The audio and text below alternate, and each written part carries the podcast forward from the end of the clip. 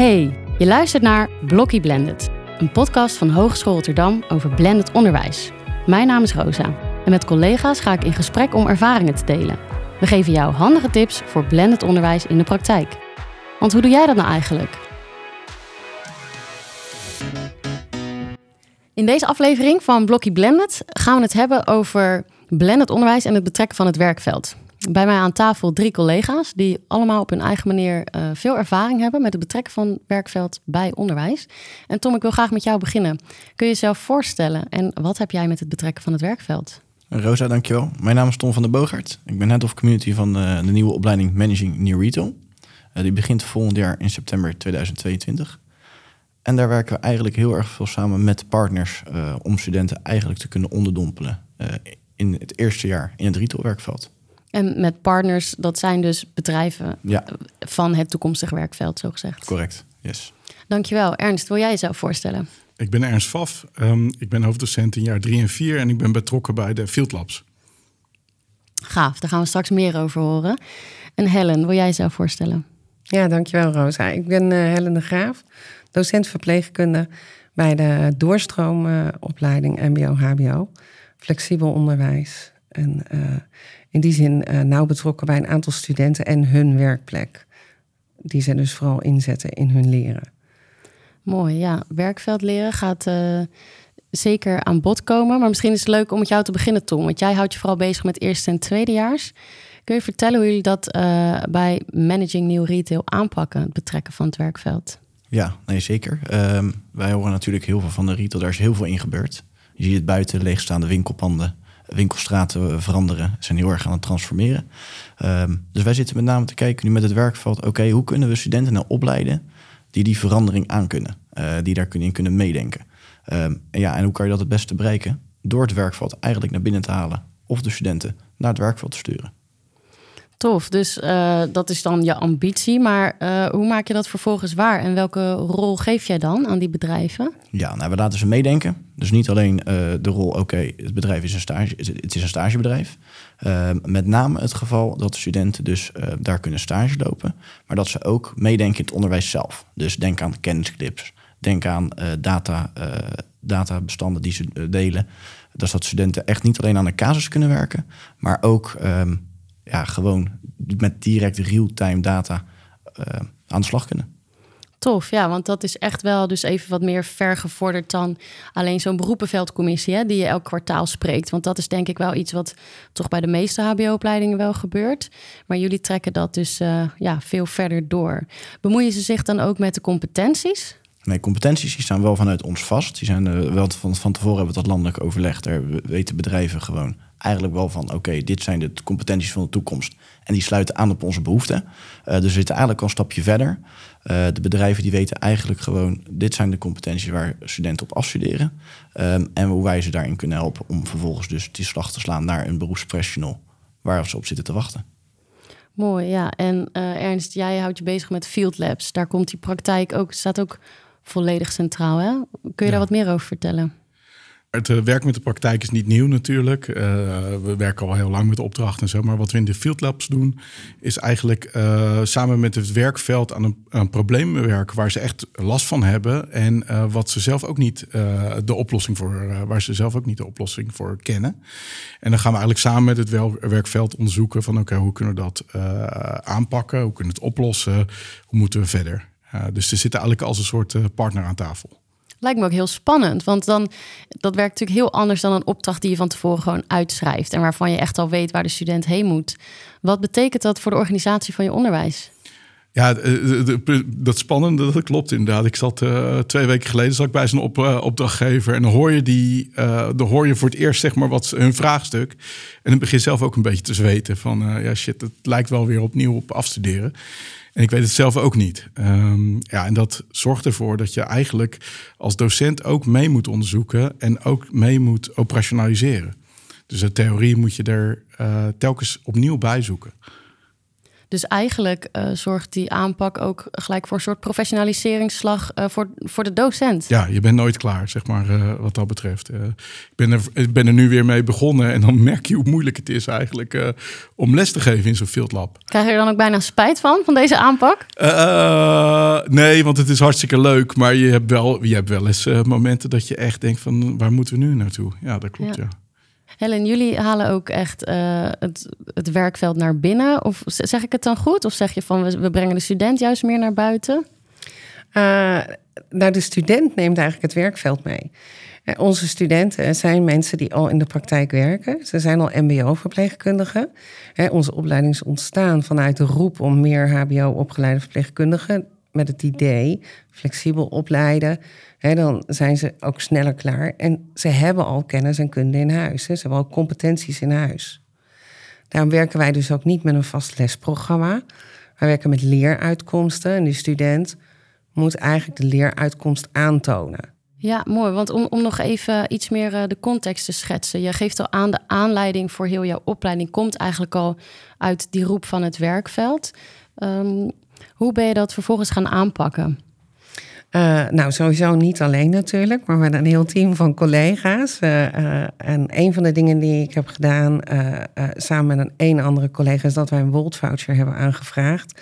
Om van, nou oké, hoe kunnen we nou dat digitale aspect, hoe kunnen we dat optimaal inzetten? Hoe kunnen we ons onderwijs verblenden? De ontwikkeling die die doorloopt, die moet hij in, in een digitaal portfolio waar dan het werkveld, wij als studiecoaches uh, bij kunnen, feedback kunnen geven, feedforward. Hè, zodat je eigenlijk die student helpt bij zijn ontwikkeling. Ja, dus uh, om nog een klein beetje context te geven voor de luisteraar. Uh, je bent dus met zo'n voucher, dus dat is een uh, onderwijsvernieuwingstraject met een kop en een staart. Daar ben je ingestapt.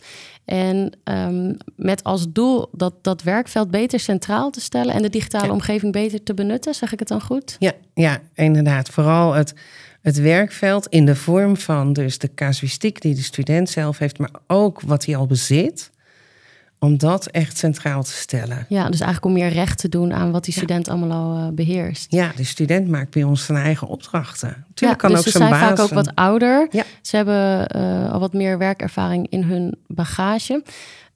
In hoeverre is het gelukt om, om dat, uh, die werkpraktijk meer centraal te stellen en om die studenten de casuïstiek mee te laten nemen de school in? Ja, nou, dat is best nog lastig. En dat, uh, uh, je merkt dat de student die wat ouder is, die is, die is natuurlijk van oudsher volgens het oude schoolse patroon opgeleid. Dus ja, ze gaan weer naar school en verwachten eigenlijk weer dat, dat gewone, ja, ja, dat wat we kennen. Hè? Je gaat zitten en je gaat consumeren. Dus dat is best lastig. En, uh, maar het is een ontzettend leuke uitdaging als, als studiecoach gezien. Ik ben dus geen docent, maar ik ben studiecoach. Uh, dus dat is een uitdaging. In hoeverre is het project gelukt? Uh, we hebben hele leuke experimenten gedaan met de studenten. Uh, vooral ook het, de studenten die met hetzelfde dingen bezig zijn bij elkaar zetten. Um, en dat is heel positief ontvangen. Het digitale aspect is iets minder goed gelukt. en dat heeft gewoon met tijd, en, maar ook gewoon met een stuk veranderkunde te maken. Hè? Het meenemen van je team, het werkveld zelf. Daar hebben we niet genoeg meegenomen. Op, die, op dat moment, nu, twee jaar later, ja, zijn we wel zover. En, en zie je dat, dat dat wel allemaal op gang gaat komen. Ook, ja, ook door corona heeft ons ook gewoon wat gebracht. Ja, en soms is het uitproberen, daarom het heet niet voor niks experiment, ook de enige manier hè, om erachter ja. te komen van hoe, hoe gaan we het volgende keer nog weer beter doen. Ja. Je gaf het al even aan die verwachtingen van de student. Uh, daar heb je mee te dealen, maar ook de verwachtingen van de docent ten aanzien van zijn rol. Uh, ja, wat kom jij daarin tegen, Ernst? In, in, in die field labs bijvoorbeeld als onderwijsvorm? Ik herken dat heel erg, zeg maar. Het, het, eh, je moet sowieso, dat gebeurt trouwens ook al in de praktijk waarmee we werken. Dus je ziet die bedrijven dat al doen. Je moet veel meer werken met wat die student al kan. En vaak heeft hij al heel veel gedaan, een stage gelopen. Ze veel hebben een eigen bedrijf, bijvoorbeeld bij ons. Dat zal bij jou niet anders zijn. Uh, dus er zit echt een, een schat aan uh, vaardigheden en kennis. En vaak als je multidisciplinair werkt, dan zie je ook dat je heel veel verschillende invalshoeken hebt. Dus de kunst is inderdaad, en dat is eigenlijk zeg maar het brugje naar de docent toe, van oké, wat kan je doen met wat ze al wel weten? Uh, want wij weten de oplossing ook nog niet. En uh, daar moet je mee spelen. Dus van oké, wat denk je? Wat voor modellen heb jij gebruikt? Uh, welke TED-talks heb je net gezien? Wat denk je hierbij bij dit probleem? en, en dan opdenken. ja, dat herken ik wel. En dat is inderdaad wel een rolverwisseling voor zo'n docent. Ja, want je, um, je geeft aan je moet dus zoeken naar wat er wel is en, en proberen met elkaar daarop voor te borduren. Maar dat is, dat is natuurlijk totaal iets anders dan um, ik bereid lekker mijn lessen voor voor de komende weken en ik weet wat me te wachten staat. Ja, ja. Wat, wat, uh, wat geeft dat voor reacties in een, in een onderwijsteam? Ja, uh, zeg maar, die field labs trekken ook wel een, eh, een aantal, een soort docenten aan, zeg maar, die, die dat ook opzoekt. Uh, maar net zoals ik, hebben zij vaak dan zo'n moment dat je toch wel aan het zweten bent. Van oké, op een bepaald moment gaan je studenten morren. Of uh, wordt de opdrachtgever ongeduldig. Of weet je het zelf niet meer. En wij hebben een soort strijdkreet, dat heet Understructured Overprepared. Dus zeg maar, uh, probeer heel veel content bij je te hebben, heel veel ideeën. Uh, weet ook dat andere mensen andere preparedness hebben. En uh, dat moet je in stelling brengen. en ja, op de juiste momenten gebruiken. Understructured en overprepared. Die ga ik onthouden. Tom, um, jij houdt je bezig met jaar 1 en 2. Daar hebben we over het algemeen natuurlijk uh, nog iets meer de ambitie om, om structuur te bieden. Maar is dat ook jouw aanvliegroute? Of, of werk je in jaar 1 en 2 al zonder uh, structuur? we hebben wel een basisstructuur. Want we kunnen niet aan een 17-jarige totaal overlaten dat hij um, alles helemaal alleen kan. Uh, hebben we eigenlijk een eerste 50 dagen in een game ontwikkeld. Um, zodat zij kunnen onderzoeken met oké, wat past bij me? Wat vind ik leuk zonder dat ze daarop worden beoordeeld? Dat kan richting consumentenvertrouwen zijn, dat kan digitalisering zijn. Zodat ze ook uiteindelijk dat traject afronden um, met een stageplek waarin zij echt een, een brief schrijven naar de, eigenlijk het sollicitatiegesprek naar de partner toe. Um, waarom pas ik bij dit bedrijf? wij, wij, verwachten best wel veel van eerstejaars om te zeggen: oké, je gaat stage lopen na 50 dagen, twee dagen per week van november tot en met juni. Um, is het wel heel belangrijk dat ze een bewuste keuze maken. Uh, we hebben natuurlijk ook een gigantisch niveauverschil. Als je MBO detailhandel niveau 4, die hebben veel meer werkervaring dan bijvoorbeeld iemand die direct van de HAVO komt. Uh, dus ja, om op je vraag terug te komen, gestructureerde aanpak, ja, uh, maar wel aansluitend tot de beleveniswereld en de motivatie van de student. Dus we staan ook voor eerst ervaren, dan theorie aanpakken, uh, sorry, aanreiken, um, om het vervolgens te verbeteren bij de stagepartner. En dat is eigenlijk de hele leerjaar Mooi, dat is dus een heel duidelijk uh, onderwijsprincipe wat je wil laten terugkomen. Zijn er nog meer kernprincipes die je vanuit de didactiek nadrukkelijk wil laten terugkomen? Nou, inderdaad, eigenlijk het verlengde ook van Helen. Uh, de docent is niet per definitie meer docent, maar meer coachend. Uh, zeker omdat we veel vragen van de eerstejaars in de stage, willen we dat er echt genoeg tijd is voor coaching. Uh, waardoor we dat ook wel zien verschuiven, die transitie van, van docent naar coach. Um, ja, dus met name en daar wel inhoudelijk heel erg veel ook leunen op onze uh, stagebedrijven, stagepartners, uh, als het gaat om de inhoud. Dus je, je geeft ruimte voor flexibiliteit, maar je weet wel als, als opleiding um, wat de belangrijkste dingen zijn in dat jaar 1 en 2. Ja, we weten wel gewoon, oké, okay, zeker na die fase heeft iedereen wel 80% dezelfde basis voordat ze naar jaar 2 gaan. Op dezelfde competentieset. Ja. En dat is dan toch wel een beetje anders natuurlijk, Helen, uh, als bij jullie. Waarbij je net aangaf, we hebben niet echt een lesprogramma. Dat is best wel revolutionair om dat zo uh, te zeggen. Hoe, hoe kan dat? Ja, uh, nou ja, daar ben ik. Ik ben niet helemaal de expert natuurlijk. Hè. Collega's van mij hebben de aanvraag uh, voor flexibel onderwijs geschreven. En, en, maar de, gedachtegang gaat vooral over. We moeten beschrijven wat, wat is een soort van. Ja, wat uiteindelijk hetgeen is wat die student moet kunnen. en kunnen laten zien. En uh, um, ja, wat hij al heeft, hoeft hij niet opnieuw te doen. er bestaan best veel flexibele opleidingen in Nederland. Maar dan, dan nog is, dan is het flexibel in de zin van... oké, dan kies je wanneer je welke module doet enzovoort. Maar, maar daarbinnen zijn dan best nog wel ja, ja. vrij vaste lesprogramma's. En, en dat is bij ons echt, echt los. En, en dat is best zoek hoor, als, als docent ook. Ja, want je, uh, je zegt die leeruitkomsten staan echt centraal. Um, hoe verhouden leeruitkomsten zich tot leerdoelen? Uh, een leerdoel gaat meer over van nou oké, okay, dit is de kennis die iemand ja, moet vergaren laten zien in een, in een toets. Hè? Een beetje zo van, nou dat bepaalt je lesinhoud. En een leeruitkomst gaat over gedrag in de praktijk. en, en ja, natuurlijk zit daar kennis onder. Hè? Maar wat wij dus, wij, wij toetsen niet zozeer theorie in, in toetsen. Maar we willen zien in, in producten, op wat voor vorm dan ook, hoe de studenten theorie integreert in de praktijk. En dat, uh, ja, de hogere cognitieve vaardigheden hebben we het dan over, inderdaad. Hoe ga je uh, inderdaad dat toepassen, uitwerken, analyseren enzovoort. En dat is best pittig. Um, ja, zo zie je dat um, deze manier van, van werken, dat verregaand betrekken van het werkveld, heel veel vraagt van die toetsing. Hoe denken jullie daarover na, Ernst? Ja, het, zeg maar, uh, in de theorie van de toetsing is het wel mogelijk, zeg maar. Er zijn heel veel uh, manieren, net zoals werken met leeruitkomsten, uh, ook vers ontdekt, zeg maar. dat, dat je dan, en er is ook een handreiking voor binnen de hogeschool. Om, en dat werkt heel goed om, om echt vanuit die context dan te gaan kijken van, oké, wat moet laten zien? En eigenlijk is het niet zo super moeilijk. Ehm maar mensen zijn toch wel altijd een beetje bang van... ja, maar is het dan wel goed? Is het wel geborgd? Uh, um, ja, uh, en ik, ik heb heel vaak gewoon van... oké, als je kan zien dat het in de praktijk werkt... dan zal het wel goed zijn, zeg maar. Dus dat is wel echt wel een indicatie dat, het, uh, dat je iets goed aan het doen bent. En dan, en dan heb je het over... Um, een casus vanuit de, de realiteit, als die beantwoord wordt door studenten, dat is voor jou eigenlijk een stuk bewijs van we zijn de goede weg ingeslagen. Ja, zeg maar bijvoorbeeld een, een, een concreet voorbeeld bij ons is, maar daar moet je wel even voor gaan denken als docent, is dat uh, het gaat er uiteindelijk om dat onze economische studenten waarde creëren. Uh, in de oude methodiek zou je dan uh, dat vervangen door hij moet dit model toegepast hebben en dat model en dit en dit. Maar hier moet hij zelf beredeneren wat waarde is en hoe hij het gecreëerd heeft in, in die specifieke context.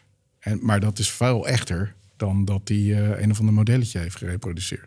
Ben jij ook al tegen zulke uitdagingen aangelopen, Tom? Ja, ik vind het mooi dat je zegt waarde creëren. Um, want wij zaten heel erg natuurlijk vanuit het economische mijn. Het moet winstgerelateerd zijn. Het gaat om winst maken. Uh, terwijl we eigenlijk zien dat het eigenlijk niet helemaal gaat om winst maken. Er natuurlijk ook maatschappelijke waarden zijn.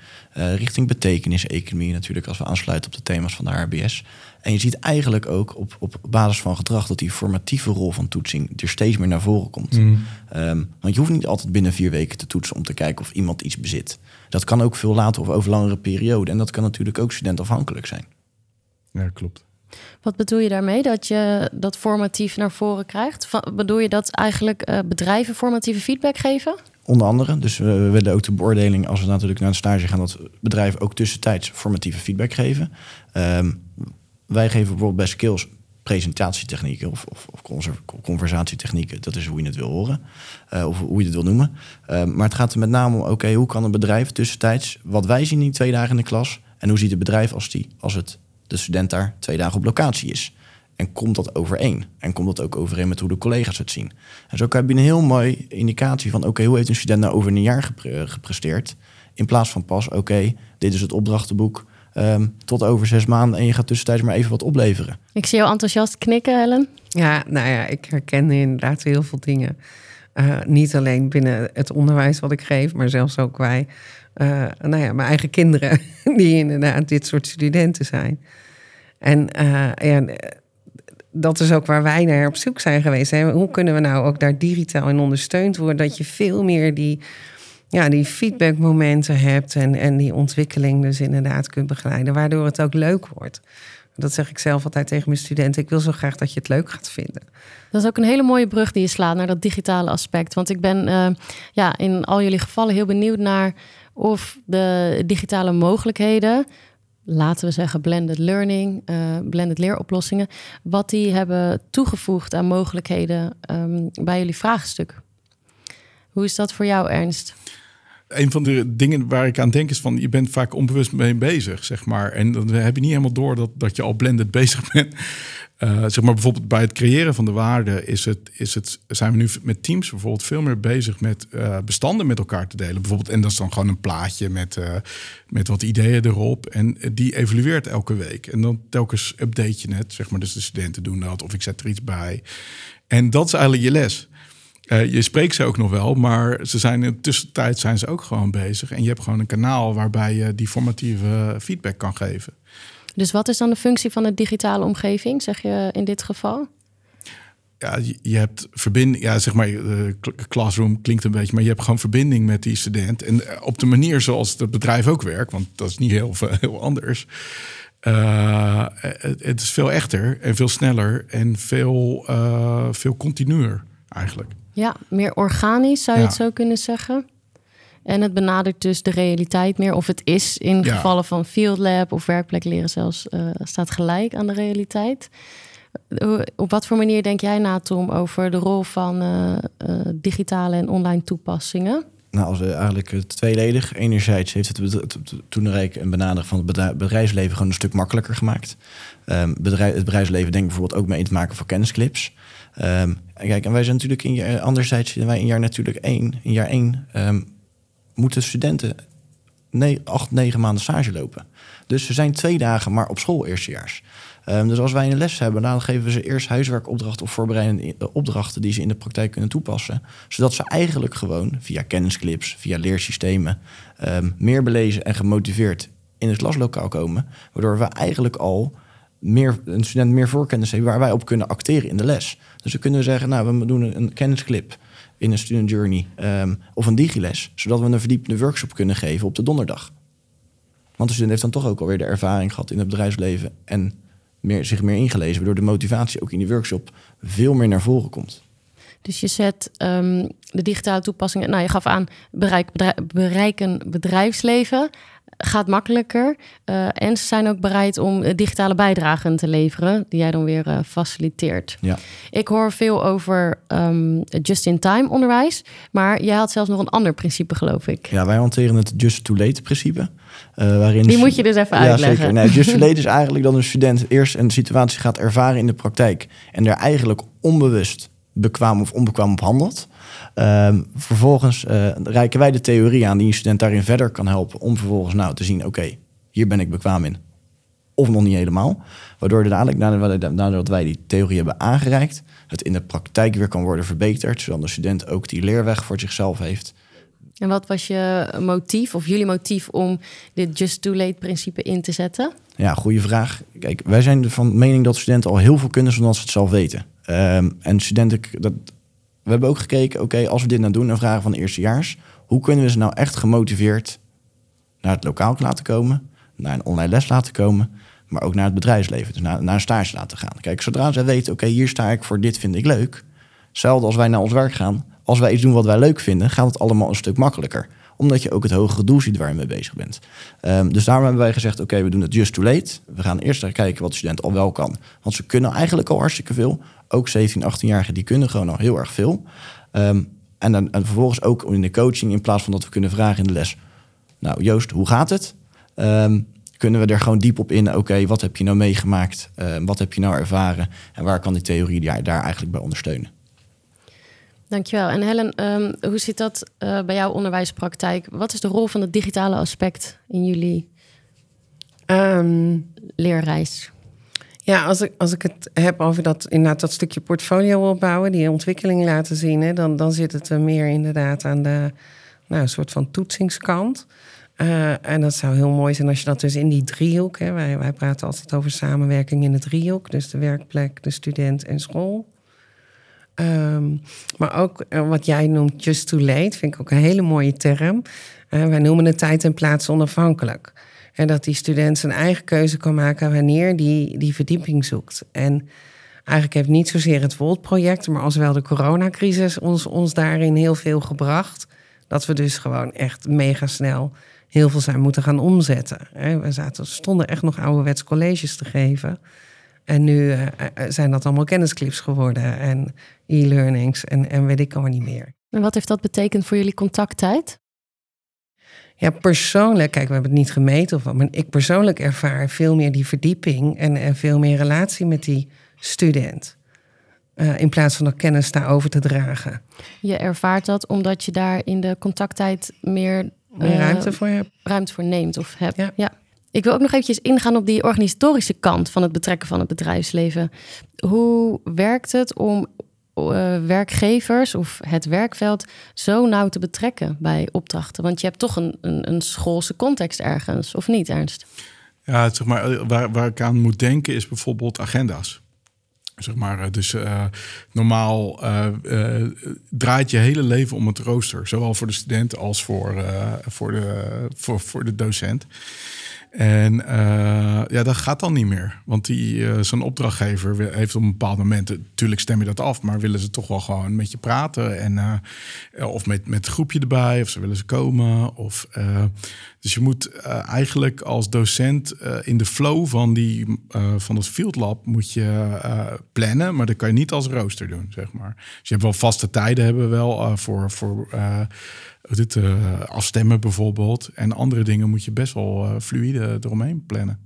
Dus dat vraagt veel flexibiliteit van alle betrokkenen. Ja, ja en, en, ook een overzicht van de docent van waar ben ik, uh, waarom ga ik bepaalde afspraken maken en waarom niet, wie laat ik even lopen, dat soort dingen. Heb je die dan uh, ook als het ware uitgetekend? Dus hoewel elke opdracht anders is, zo stel ik me dat voor, probeer je toch dat bepaalde opdrachtonderdelen overal ja. terugkomen. Is het, werkt het zo? Ja, klopt. Ja, we gebruiken zo'n agile uh, methode. Zeg maar, je Scrum hoor je wel eens, maar wij noemen het agile.